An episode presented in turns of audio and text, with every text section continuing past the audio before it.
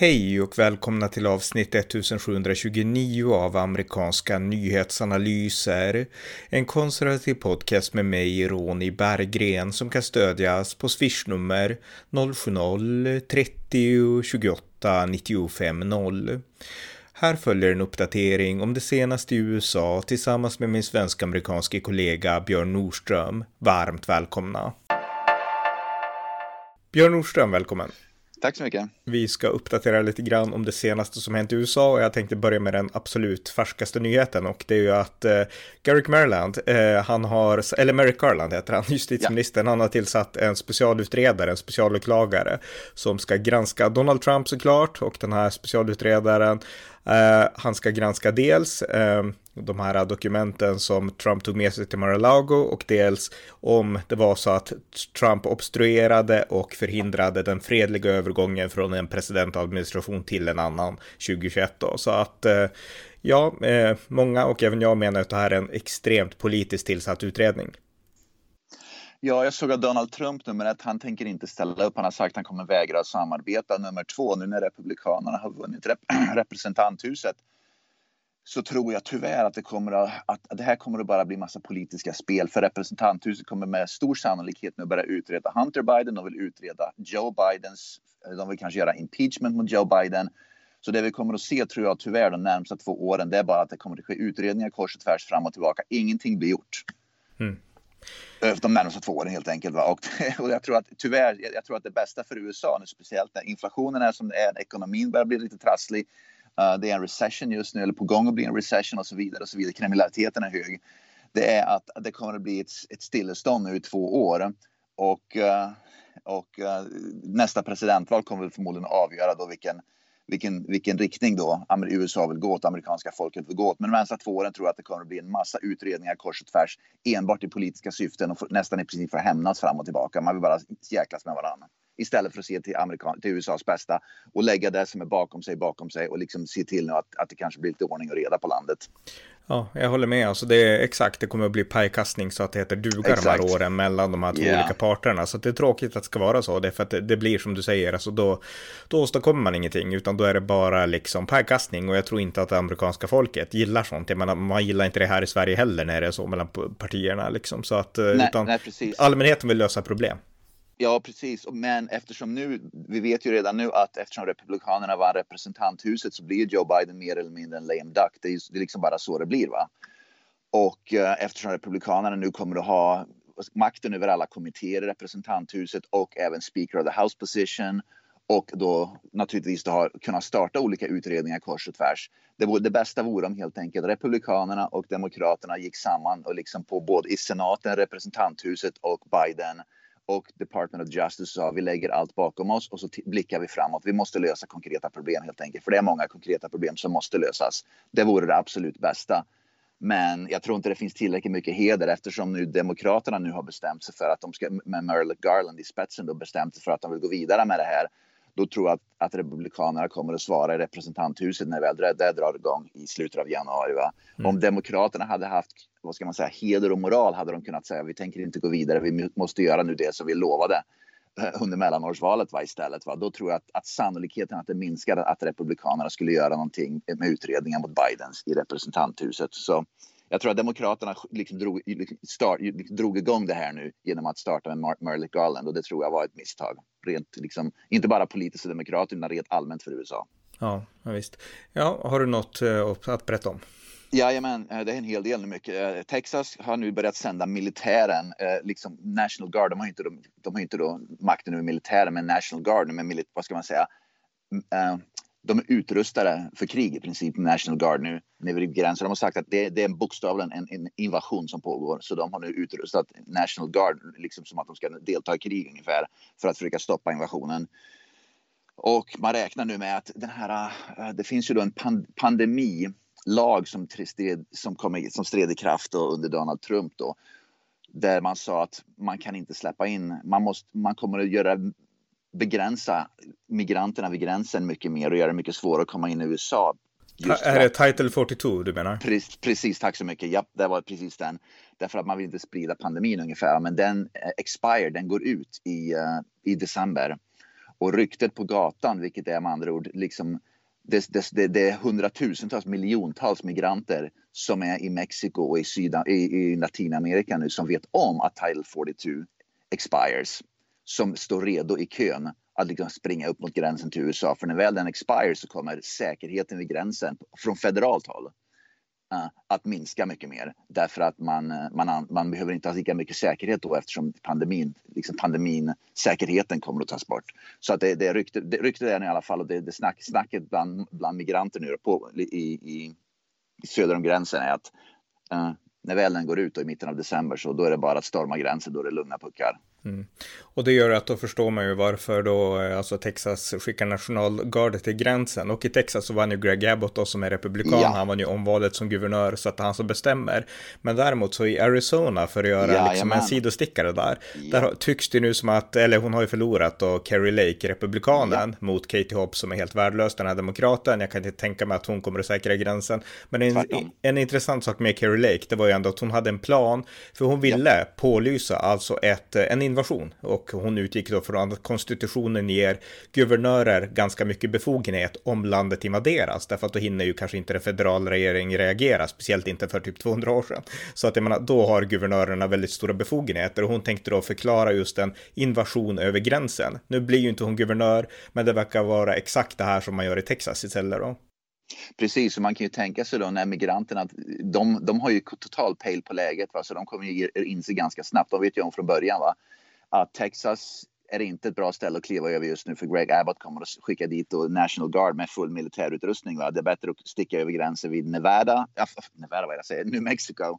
New Mexico som då är demokratiskt och Arizona som är demokratiskt och Kalifornien. Så migrantströmmarna kommer att komma över sydvästra USA.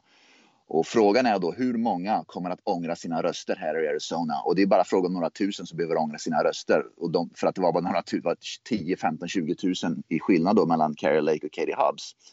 Och jag tror att det kommer att gå ganska fort innan de där 10, 20, 30 tusen kommer ångra sina röster och säga jag borde rösta på Carrie Lake istället så att hon blev guvernör. Men det är för sent att säga nu, men det är tyvärr så det kommer att bli därför att migrantströmmen kommer att bli enorm framförallt i södra Arizona, här är Tucson, som ligger ännu mer söderut, en storstad i, i södra Arizona. Och de har ju, Tucson har redan väldigt mycket problem med migranter och kriminalitet, migrantkriminalitet. Det är liksom det migranterna satsar på att komma in i först. Det är Tucson. Yuma som ligger alldeles vid gränsen. Men framförallt försöker de ta sig till Tucson.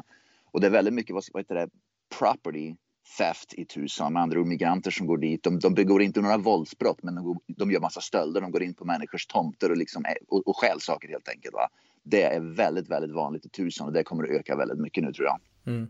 Alltså du som bor i Arizona, alltså de flesta, när du hörde folk prata om valet, i den mån du gjorde det, alltså vilken kandidat föredrog de och varför tror du att liksom en sån värdelös politiker som Katie Hobbs ändå vann? Jag är, helt, jag är faktiskt väldigt chockad över det. här. Det är väldigt konstigt för du och jag pratade om det här förut. Va? Att hon, har ju, hon har ingen plattform, hon har ingen agenda. Min gissning, och vi har pratat om det här förut, nummer ett, hon vägrar att ställa upp på debatter. Va? Det trodde jag att nu ställer man inte upp på debatter då kommer folk inte att rösta på den. I alla fall, man har ingen chans att vinna helt enkelt för att folk vill se debatter. Va? Det var i alla fall det som opinionsundersökningarna visade. Att eh, hon vill inte ställa upp på debatterna, hon tappar ju opinionen över det. Va? Min gissning är att, att den här reklamen, eh, vad ska man säga, den här skrämselpropagandan som Demokraterna pumpar ut skräms, skrämselpropaganda, inte bara Katie Hobbs utan National Democratic, eh, DNC, mm. eh, partiet, pumpa ut skrämselpropaganda här i, i, i, Arizona mot Carrie Lake och även då Blake Masters och så vidare. Va? Att de är extremister, de är livsfarliga och så vidare. och så vidare. Va? Jag tror att skrämselpropagandan kan ha funkat. Demokraterna var mycket, mycket, mycket aggressivare och de verkar ha mer eh, reklam här på tv i alla fall. Det verkar som de hade mer reklam än Republikanerna. Jag tror att Demokraterna pumpar in mer pengar i Arizona. Men att de, eh, Demokraterna var mycket mer aggressiva med skrämselpropaganda än Republikanerna. Republikanerna och även då Carrie Lake då, de pratar mycket mer om vad de ville åstadkomma. Medan Demokraterna, har ing, ingen har en aning om vad Mark Keller vill åstadkomma eller vad eh, Katie Hobbs vill åstadkomma utan det är bara skrämselpropaganda mot de andra kandidaterna. Och det visar tror jag tyvärr till stor del, precis som i Sverige med social, Socialdemokraterna, skrämselpropaganda som man pumpar ut funkar. Mm. Ja. För jag tror inte, det var, det var ingen snack om aborter, det var inte mycket snack om aborter, det var, det var liksom inte det snacket var, va? utan det var, jag, jag, tror att folk helt enkelt blev rädda för Carrie Lake och tror att hon är en, ny, en, en kvinnlig Adolf Hitler ungefär. baserat på propagandan som Demokraterna pumpade ut. För det var konstant på tv, i radio, uh, på liksom, min Facebook-sida hade konstanta grejer där de liksom bara pumpade ut hur, hur livsfarliga Carrie Lake och Blake Master är. Mm, just det, just det. Ja, eh, något annat? Ja, vi pratar ju mycket om du vet när George Floyd, det här som skedde då för ett par år sedan i sommar då när Black Lives Matter och så vidare. Och vi pratar ju om att, att eh, förr eller senare så kommer ju, vad ska man säga, domstolsfallen att när, när vänsterextremisterna slår sönder städer och så vidare. Va? Det rapporteras ju inte speciellt mycket om det, men domstolarna kommer att ta upp det. Och jag såg att det var två stycken advokater i New York City som för två år sedan var ute på gator och torg och förstörde, liksom, slängde brand, brandbomber på polisbilar. Och det var ju sånt där som vi pratade om då, som, som rapporterades framförallt i Fox News då. Och de i alla fall nu, de två, um, de två personerna då som är advokater, de var advokater i New York. De var ute, kastade brandbomber på polisbilar. De är i alla fall nu, de har blivit av med sin, båda de advokaterna då som är, som är vad ska man säga, certifierade advokater i New York har blivit av med sin advokatcertifiering. De får inte längre praktis, praktisera liksom practice advokat, liksom juridik i delstaten New York. Och de blev, den ena blev just uh, fälld och fick 15 månader i fängelse och den andra kommer att bli fälld, är också fälld men de kommer, den kommer att få sitt domslut nu, förmodligen många, ett, ett par år i fängelse med. Uh, när, när domen kommer i, i, december. Så domarna är hyfsat hårda. Tack och lov så var det ingen polis i polisbilen utan det var bara polisbilen som brann upp. Mm. Så straffet blev i alla fall 15 månader fängelse och, och de två får aldrig praktisera uh, juridik i, uh, i, um, i New York, delstaten New York. Och min gissning är att de aldrig kommer att kunna praktisera juridik i resten av livet i USA därför att det finns ingen delstat som vill, som vill liksom acceptera dem helt enkelt. Va? De, de bägge i domstolen, jag har läst mycket om det, de bägge i domstolen i, igår i alla fall, i förrgår när de försökte, de försökte förklara att de var jätteledsna och de ville få en andra och tredje chans. Men domaren i New York eh, var eh, väldigt arg och sa att det här, det spelar ingen roll hur, hur emotionell eller hur känsloladdad du är och så vidare. Va? Nummer ett, det här är oacceptabelt att göra för människor överhuvudtaget. Nummer två, om du är advokat så borde du veta ännu bättre att du absolut inte ska hålla på med sånt här och kasta brandbomber på polisbilar. Även om du är förbaskad på något. Ja, nej men otroligt bra. Jag menar, det här visar ju att kanske till och med, jag menar, nu vann ju Katie Hochul, den sittande demokratiska guvernören, guvernörsracet där, men hon utmanades ju stenhårt av republikanen ja. Lee Zeldin, som då kampanjade ja. mot brottsligheten i New York. Och det känns som att kanske kommer myndigheterna att inse att nu måste vi styra upp det här. Och det här är ju, ja, det här verkar ju peka i den riktningen. Ja, grejen som vi ser nu i Oregon, New York och så vidare, va, det är att, att Republikanerna kommer närmare och närmare. Helt plötsligt börjar det bli ett, ett, ett, ett, ett hyfsat race. Det är liksom förut för bara 5-10, förra valet för två år sedan, då var det liksom, då, då fick de republikaner, det var ju meningslöst för republikaner överhuvudtaget liksom kampanja mot en demokrat. Det var ju meningslöst för de hade ju ingen chans i vilket fall. Va? Nu, bör, nu har de i alla fall en chans, så de kommer närmare och närmare och närmare. Och det är det som gör saken intressant. Och det är det som gör att Demokraterna måste börja ändra inriktning. För att jag tror att de börjar inse som parti, både på federal nivå och på många delstatsnivåer, att uh, de kan inte längre köra det racet som har kört därför att Republikanerna kommer närmare och närmare och närmare. Och en sak som jag funderar på efter mellanårsvalet, det här är väldigt intressant.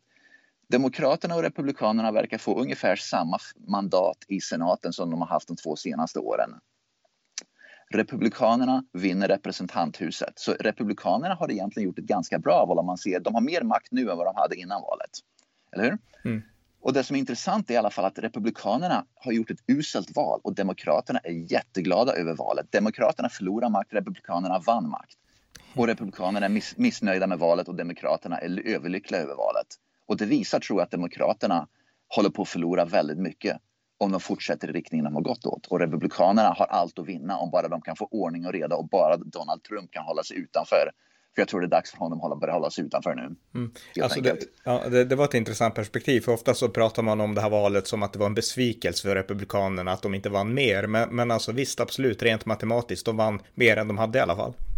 Precis. Om någon hade sagt redan från början om du är garanterat att Republikanerna ska vinna representanthuset, även om de inte får tillräckligt mycket mandat som om de bara får 219 röster, då hade, tror jag folk hade tagit det. Även om, då, även om man då har pratat om att de kanske får 220, 230 eller något sånt där. Va? Men jag tror att, att folk är ganska nöjda ändå med att okej, okay, valet gick ganska dåligt, men å andra sidan vi vann representanthuset. Så att ett dåligt val och vi vann makten i representanthuset, det tar vi. Mm. Ja. Eh, på tal om alltså att Demokraterna ändå kanske anpassar sig lite nu för de inser att alltså, det här har gått för bra för Republikanerna. Om vi hoppar till, till västkusten igen, Oregon, Portland, Oregon. Yeah. Där var det ett extremt spännande guvernörsval också som yeah. eh, en kvinna som heter Christine Dreisand som verkar jättebra, alltså en framtida, alltså en framtidspolitiker för Republikanerna. Hon förlorade med nöd och näppe näppe mot sin demokratiska motståndare. Men nu läser jag att Portland kommer att satsa 27 miljoner dollar på att avsluta hemlösheten på liksom trottoarerna, alltså de här tältlägren i Portland. Ja. Det vill man liksom, nu vill man få bort det och det är fortfarande, jag vet inte om Ted Wheeler vann sitt omval som borgmästare där, men det är fortfarande liksom demokrater som styr då även efter midterms. Så att nu vill de ändå satsa på att få bort hemlösheten, så de inser väl att det här är, fortsätter det så här så vinner republikanerna till slut det som vi ser det är samma sak som i Sverige att alla andra partierna började ju, vad ska man säga, anpassa sin politik efter Sverigedemokraterna. Och det är precis det vi ser. Demokraterna har börjat anpassa sin politik efter Republikanerna. För om de inte gör det, då förlorar de valet. De måste helt enkelt göra, driva samma politik som Republikanerna nu. Och mm. man önskar då att människor istället för att rösta på Demokraterna, då, då röstar Republikanerna istället eftersom det är de som kom på politiken. Va? Men i alla fall anpassningen, i alla fall precis som i Sverige, det är bra att den sker för att det, det, är, liksom, det är det vi är ute efter, en förändring i samhället, inte bara vilket parti som driver vad. Nej, nej exakt. Och ett praktexempel på att det verkligen är så i USA, jag menar det är ju liksom Black Lives Matter, du nämnde de advokaterna i New York, men yeah. alltså sommaren där 2020, Demokraterna sa ju inte ett knyst när det var liksom Black Lives Matter demonstrationer. Joe Biden, han knep, alltså han knep käften i liksom veckor innan han ens vågade yttra att, men gå inte ut och slå sönder städer efter att typ massvis av städer redan var liksom sönderslagna. Och jag menar, det var bara republikanerna som sa vad det är som händer, det här är liksom oacceptabelt. Demokraterna vågade inte, utan det tog lång tid. Men alltså nu är det ju ingen demokrat som pratar om defund the police till exempel längre, utan alla säger nej men jag, jag stödde inte alls det. Och vissa ljuger, vissa stödde det ja. verkligen. Men alltså ingen vill liksom säga idag defund the police, utan tvärtom. Vi stöder polisen, sa varenda demokrat nu inför midterms. Ja, visst, och det som är bra med det, det är att, att vi, du och jag pratar pratat om det väldigt länge nu, att det är bara en, en, vad ska jag, en trend som kommer att gå över. Tyvärr en väldigt destruktiv trend som kommer att ha massa förödelse för både människor och liksom egendom och allting. Men trenden kommer att gå över och trenden har gått över nu. Och det är det som är, vi ser att, att politiken nu går i alla fall åt rätt håll.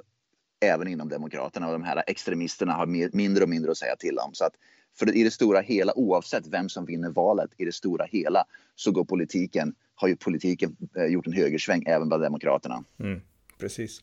Ja, eh, fortsätt. Ja, jag ser att Elon Musk har han har börjat reinstate massa Twitterkonton nu, men han har inte bestämt sig för vad han vill göra med Donald Trumps konto än. Jag såg att han har lagt ut en opinionsundersökning där han vill ha där människor, du och jag kan gå in och rösta om vi vill att Donald Trump ska tillbaka på Twitter eller inte. Så han verkar, inte, han verkar liksom hoppa fram och tillbaka hur han vill göra med, med Trumps Twitterkonto. Min gissning är det här naturligtvis han är ju en businessman, en affärsman. Han vill tjäna pengar på Twitter. Han, han, han försöker nu klura ut vad, hur kan jag tjäna mest pengar eller hur kan jag förlora minst pengar om jag tar tillbaka Donald Trump eller inte? Vad är bäst för vad är affärsmässigt bäst?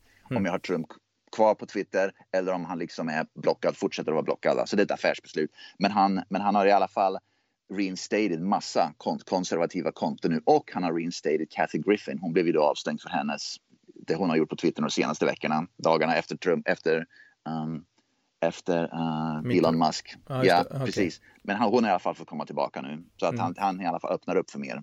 Men kan man, kan man säga, är, är liksom Elon Musk en yttrandefrihetshjälte eller är han mer en businessman? Vad, hur tänker du liksom? Ja, det är det som är frågan. Ytterst så handlar det ju alltid om business. Jag menar om Twitter går åt skogen, han, jag tror inte han är beredd att förlora 44 miljarder dollar bara för att försvara yttrandefriheten. Va? Utan när det kommer ner till det så gissar jag att faktiskt det, det handlar om pengar. Om han tjänar pengar på yttrandefrihet, då är det det hållet han kommer att gå. Jag tror, han kommer att, jag tror att han kommer att vara mer öppen för yttrandefrihet än Jack Dorsey under Jack Dorsey då, Twitter. Mm. Det tror jag absolut. Men han kommer kanske inte riktigt att bli vad ska man, samma ultra yttrandefrihetskämpe som han har framställt sig som, såvida inte han kan tjäna massa pengar på det. Nej, just det. Ja, eh, vi går vidare. Något annat?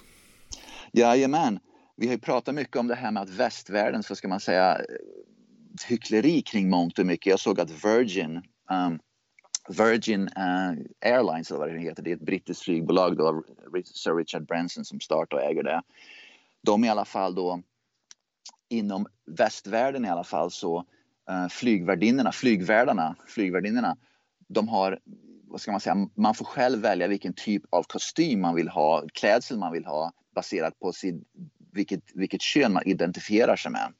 Som andra ord, om du är man kan du klä dig i, i, liksom, i kvinnliga kläder, om du är kvinna kan du klä dig i manliga. Du får klä dig hur du vill baserat på ditt identifierade kön.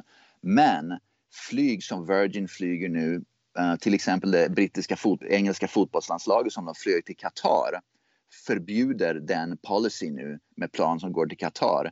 Då måste kvinnor, biologiska kvinnor klä sig som biologiska kvinnor och biologiska män måste klä sig biolog som biologiska män.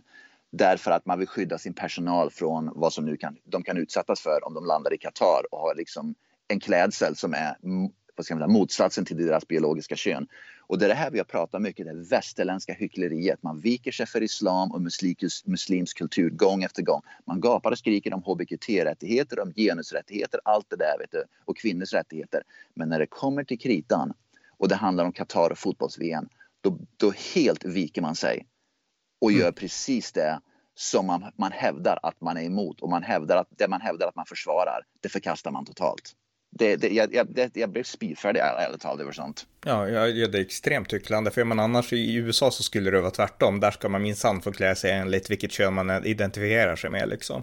Så att eh, extremt hycklande. Och på tal om Qatar, då, jag menar, de har också, på tal om att, alltså den här konflikten mellan den islamiska civilisationen och den västerländska, det är att Qatar har nu också förbjudit öl under fotbolls-VM. Ja, eh, med, med, motivering att landet är muslimskt. Jag menar, ja. det här är ju liksom Eh, Eh, ja, eh, det här visar verkligen att de, när, när, liksom, när de bestämmer, då är det deras kultur som gäller, men vi däremot, vi ruckar på vår kultur och det är livsfarligt att göra så. Precis, och in, inte se några landslag. Jag har ju följt det amerikanska fotbollslandslaget och de har ju inte gjort några former av protester eller någonting, utan de rättar ju in sig i ledet helt enkelt. Va? Men när det gäller att protestera mot Donald Trump, då, då radar ju alla upp att liksom professionella atleter upp sig, fotbollsspelare och liksom rubbet, de, de radar upp sig mot Donald Trump, för då skulle man ju protestera. Va? Men det var inte direkt så att Donald Trump förbjöd, förbjöd öl under matcher eller att han då ville vad ska man säga, förtrycka kvinnor eller döda massa migrantarbetare och sånt där. Men, då, men honom skulle man protestera och det visar fegheten hos, hos västerländska professionella idrottsmän och liksom politiker och allt det där. Va? Och det, det är någonting som gör att vi omöjligen um, vad ska man säga, kan, kan upprätthålla det vi håller på med om vi inte ens kan, kan försvara våra värderingar internationellt. Nej, nej, precis. Ja, något annat? Ja, vi har pratat mycket om den här basketspelaren Inas Kanter Freedom. Uh, han, är bas han var basketspelare i NBA, men han yttrar sig negativt om Kina. Och det här visar också det extrema västerländska och framförallt amerikanska hyckleriet kring NBA, den här basketproffsligan här i USA. Då. Kina får man inte kritisera för Kina äger då halva NBA och Kinas marknad är så stor vad gäller tv-sändningar. Så när Kina beslutar sig för att inte sända NBA-matcher på tv i Kina då, då påverkar det ekonomin här i NBA, i basketligan här i USA för mycket. Va? Så Inos Kanter Freedom han, är, han var född i Schweiz tror jag, men han är turkisk medborgare. Han är i alla fall växt upp i Turkiet. Och han kom hit som USA, han, han var en väldigt hög draftpick, jag tror han var draft nummer tre eller något sånt där för några år sedan i alla fall. Men han har, blivit, han har kritiserat Kinas regim väldigt, väldigt mycket och väldigt öppet. Va?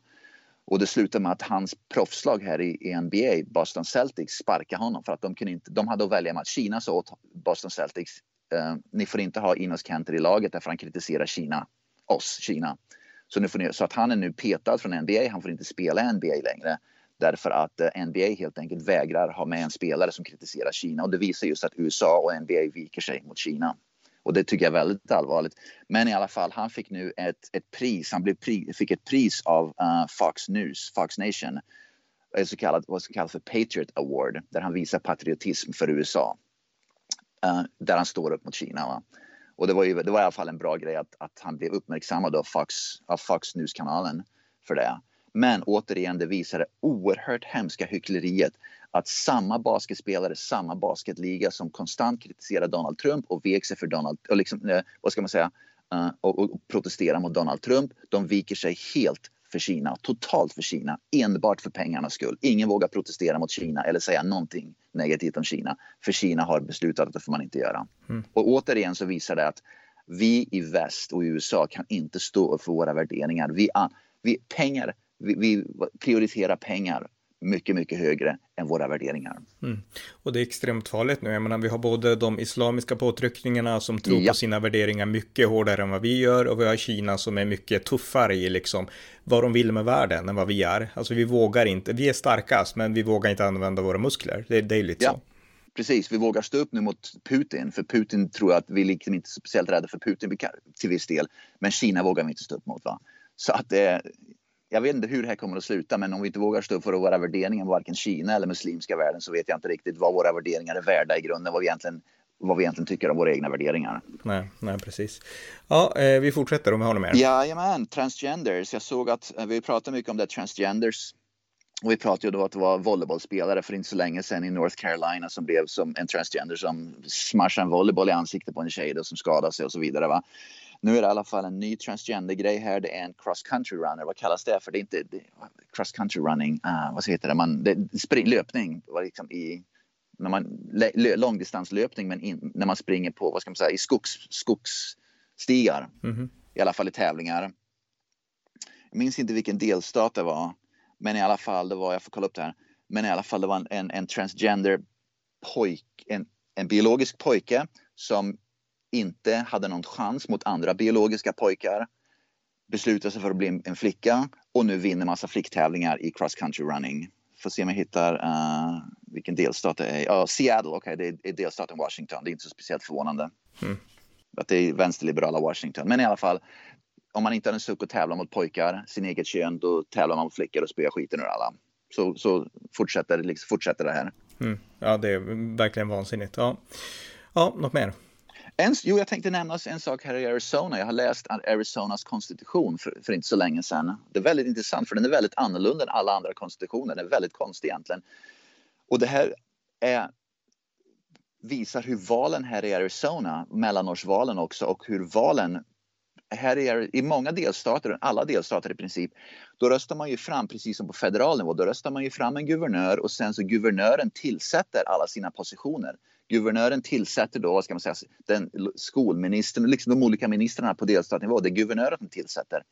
Här i Arizona så röstar man fram eh, vice guvernören, man röstar fram sin skolminister och så vidare och så vidare. Man röstar fram sin attorney general. Mm. Med andra ord, det som har skett nu, det är att Katie Hobbs kommer att vinna då naturligtvis, verkar det som, eh, guvernörsvalet. Men skolministern är en stenhård högerkantsrepublikan. Så Katie Hobbs har ingen makt över, över skolsystemet här i, i Arizona utan det är, det är den republikanska um, personen som blir framröstad. Så den före detta uh, skolministern här i delstaten i Arizona var demokrat och den före detta guvernören var republikan. Nu är rollerna motsatta. Alltså nu, nu blir guvernören demokrat och skolministern republikan. Och det gör att den republikanska skolministern kommer att kunna agera helt fritt. Enligt, enligt Arizonas konstitution så kan, kan skolministern agera helt fritt. Det spelar ingen roll vad guvernören tycker. Skolministern har 100% makt att göra precis vad den vill med skolorna utan guvernören, guvernörens liksom påverkan. Mm. Så, och det är samma sak vad gäller Attorney General. Attorney General-racet här, vilket är delstat, den högsta delstatsjuristen här det racet har gått ner. Det, måste bli en recount på det. Därför att jag tror det skiljer 200 röster eller sådär. Så det liksom, eh, om det är 0,5 procent skillnad mellan kandidaterna så blir det en automatic recount. Så det kan bli också en, en attorney general som blir republikan här och den kan agera helt fritt och helt opåverkad av vad guvernören tycker. Så guvernören i Arizona har väldigt lite makt jämfört med guvernörer i andra delstater. Därför att alla andra positioner röstas fram av, av liksom folket och de agerar helt oberoende av vad guvernören tycker och det är väldigt intressant. Ja, verkligen intressant. Ja, vi får se hur det går då i, i det racet. Så, men och det, det, det, är som, mm. det är det som gör att det blir så himla viktigt nu att skolministern är republikan, vilket gör att skolorna inte kommer att kunna påverka. Så vi vet att oavsett om Katie Hobbs vill hålla på med woke-grejer i skolor, hon kommer aldrig kunna åstadkomma det med republikansk skolminister därför att han kommer att, han har, hans öppna grej var, och det är intressant, han, under hans, jag, jag, jag röstar för den republikanen, han heter Tom Horn. Och hans öppna grej när han kampanjade var att han var emot woke. Mm. Och hans motståndare, den före detta skolministern som är fortfarande är skolminister men hon blir då naturligtvis avsatt nu med att hon förlorar valet. Hon var för woke och hon vill instifta massa woke-grejer här. Men eftersom han då vann valet mot henne så visar det att människor röstar fram Katie Hobbs som guvernör men de röstar fram en republikan som är emot woke som skolminister. Och det visar att det var någonting i guvernörsracet som man inte gillar. Man gillade då, man vill inte ha woke i skolor, men man vill inte ha Carrie Lake som guvernör. Just det. Ja, extremt intressant iakttagelse alltså. Men finns det några woke i Arizona-skolor nu eller är det liksom, det har inte hunnit Absolut. komma in än? Oh ja, okay. det gör faktiskt det. Oh ja, det finns, för många i skolor här då, många skolor här, det drivs ju då av lokala, vad ska man säga, lokala kommunerna driver skolorna. Det är liksom kommunverksamheter egentligen som driver skolorna. Va? Så i Phoenix, i staden Phoenix, eh, så finns det ett par skoldistrikt som försöker gå in på woke inte lika mycket som i till exempel Washington eller där Virginia höll på med för några år sedan och så vidare, va? eller Vermont. Men man försökte gå in på det lite mer. Va? Uh, men generellt så är Arizona då mer konservativt än, än de delstaterna, än Vermont och, och, Washington till exempel, Oregon. Men de försökte lägga in lite grann woke i, i, i vad ska man säga, i läroplanerna. Va? Men det verkar inte som att det var uppskattat av, av befolkningen som helhet. Men det kommer att bli betydligt svårare, om inte ens omöjligt nu att kunna göra det. Därför att då hade de stöd av um, uh, vad heter de? Huffman, Katie Huffman som skolminister. Men nu har de inte längre stöd av skolministern utan de kommer att motarbetas av skolministern så det blir betydligt svårare nu. Mm, just det. Ja, intressant. Eh, något annat? Uh, ja, just ja, det var en, uh, du får se vilken high school vi pratar om det här. Um, det här med att pojkar, biologiska pojkar då byter uh, byter om i samma omklädningsrum som flickor. Jag ska kolla vilken delstat det här är på. Men det var en flicka nu som var i, hon, hon är 14 år och vänta vilket delstat var det? I alla fall, hon är i alla fall gick ut officiellt. Åh, oh, det var Vermont, ja just ja, det var ju mm. Vermont med. Ha, på tal om Vermont, det var i, i, headlines här i USA nu. Det var en flicka i delstaten Vermont, 14 år, som sa att hon, hon gick ut officiellt och sa jag vill inte byta om bland biologiska pojkar. Jag vill att bara biologiska flickor ska byta, liksom bytas om i, byta om i omklädningsrummet bland andra biologiska flickor. Och hon blev straffad av skolan. Hon blev straffad av skolan därför att det, så får man inte tycka. Så att mm. hon, hon blir påtvingad nu att byta om bland biologiska pojkar. Och jag, jag, minns inte exakt vad det här var, men det var något annat skolsystem. Jag minns inte vart det var, vilken delstat. Men jag läste att det var i alla fall ett annat skol. Så jag tror en, skol, ett, en, skol, en skola i Texas som hade på så vis förut där de sa att pojkar får bryta om bland flickor. Jag måste öppna den för katten sitter och gapar. Jag gör det. Ja, nej men det... I alla fall. Ja. Ja, jo, jag tänkte så här att um, det var, det var en skola i Texas som hade gjort samma sak där de sa att flickor måste acceptera att de, måste, att de får byta om bland pojkar helt enkelt. Va? Men den skolsystemet, minns inte vilket det var, jag läste det för några dagar sedan, liksom i all hast, men i alla fall de har gått ut och sagt att vi kommer att ha flick, biologiska flickor byta om bland biologiska flickor, biologiska pojkar byta om bland biologiska pojkar och vi kommer erbjuda ett tredje omklädningsrum där transgender får byta och det är det, precis det som du och jag har sagt hela tiden. Mm. Det är bara att öppna upp en toalett eller ett omklädningsrum eller liksom en, en idrottstävling för transgenders och det är det hållet jag tror vi kommer att gå. Mm. Precis. Mer och mer. Ja, men... liksom att fler och fler kommer att protestera och då tror jag att, att det kommer att bli ett tredje val. Och det är liksom det som sunt förnuft säger med. Men herregud, det är bara att öppna upp en toalett och ett, ett, ett, ett, ytterligare ett vanligt rum. Om det är en skola så är det bara att man öppnar upp ett klassrum liksom där transgenders kan byta om eller vad det nu är. Liksom, det, är, en enkel lösning på det hela. Va? Istället för att gå en hardline och tvinga människor. Det är liksom att okej, okay, öppna upp ett tredje. Ja, liksom, men, men det, är, det är extremt absurt att den här unga tjejen alltså blir straffad. Hon säger jag vill inte byta om med biologiska pojkar. Det är, inte, alltså det är en väldigt, det är ganska naturligt, en ganska naturlig reaktion liksom. Och då blir hon straffad för det. Alltså det är så absurt att det, det är sjukt. Ja, jag har ju en dotter med och jag skulle bli rosenrasande, herregud. Min dotter har sagt jag kommer att vägra byta om det kommer någon, liksom den biologisk pojke. Ja. Tack och lov, så vi flyttade hit för ett drygt år, ett och ett halvt år sedan ungefär till Arizona. Och Vermont var på gång att göra de där förändringarna då, man, men det var liksom inte riktigt accepterat för ett och ett halvt år sedan att biologiska pojkar skulle byta om bland biologiska flickor. Va? Utan det har skett, det har skett något väldigt drastiskt senaste året i Vermont tack och lov ärligt talat att vi lyckades flytta och slippa det. Och min dotter är jätteglad för hon läser ju sånt där med. Hon hör ju sånt där. Va? För hon har ju massa kompisar kvar i Vermont som snackar om sånt där. Va? Hon är ju bara som att tack för att jag inte längre behöver överhuvudtaget tänka på det där. För här i Arizona och framförallt där vi bor, i den staden vi bor i, det är en konservativ stad där Republikanerna vann på lokal nivå. Och där behöver vi inte ens fundera på sånt där. Det är liksom ingen snack om saken. Att liksom flickor byter om bland flickor och pojkar bland pojkar. Och transgender får byta om. Det finns liksom tredje ställen för dem att gå på toaletter och sånt där. Så att liksom, det finns redan sådär för, för dem, men, men att det finns inga pojkar bland flickorna helt enkelt. Mm.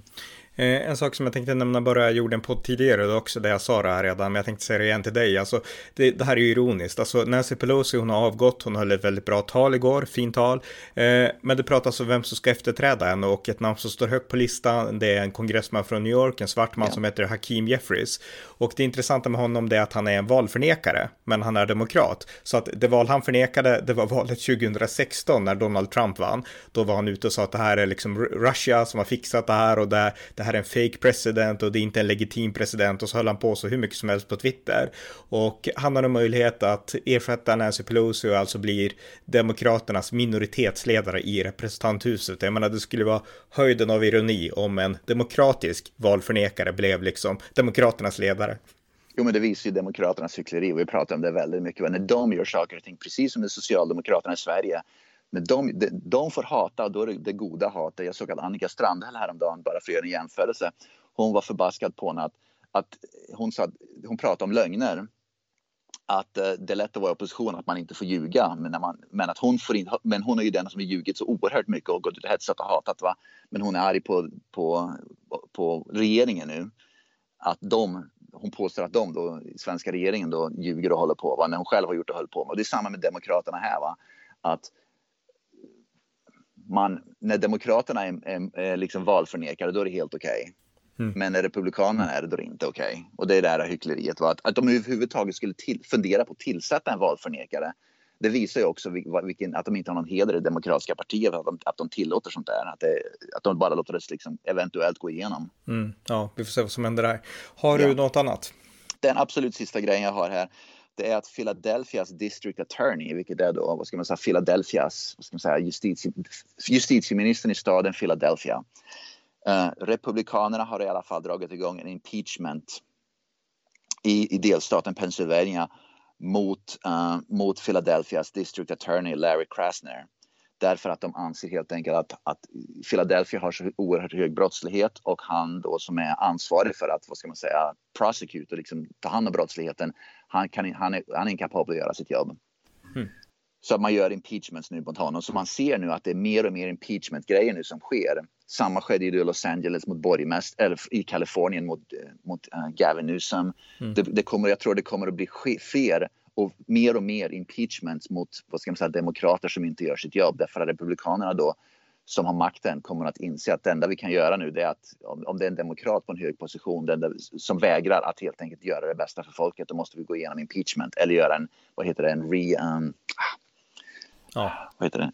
Om, omval, ja. ett omval och så vidare. Va? Och jag tror vi kommer att se sånt där nu på, på lokal nivå. Ja.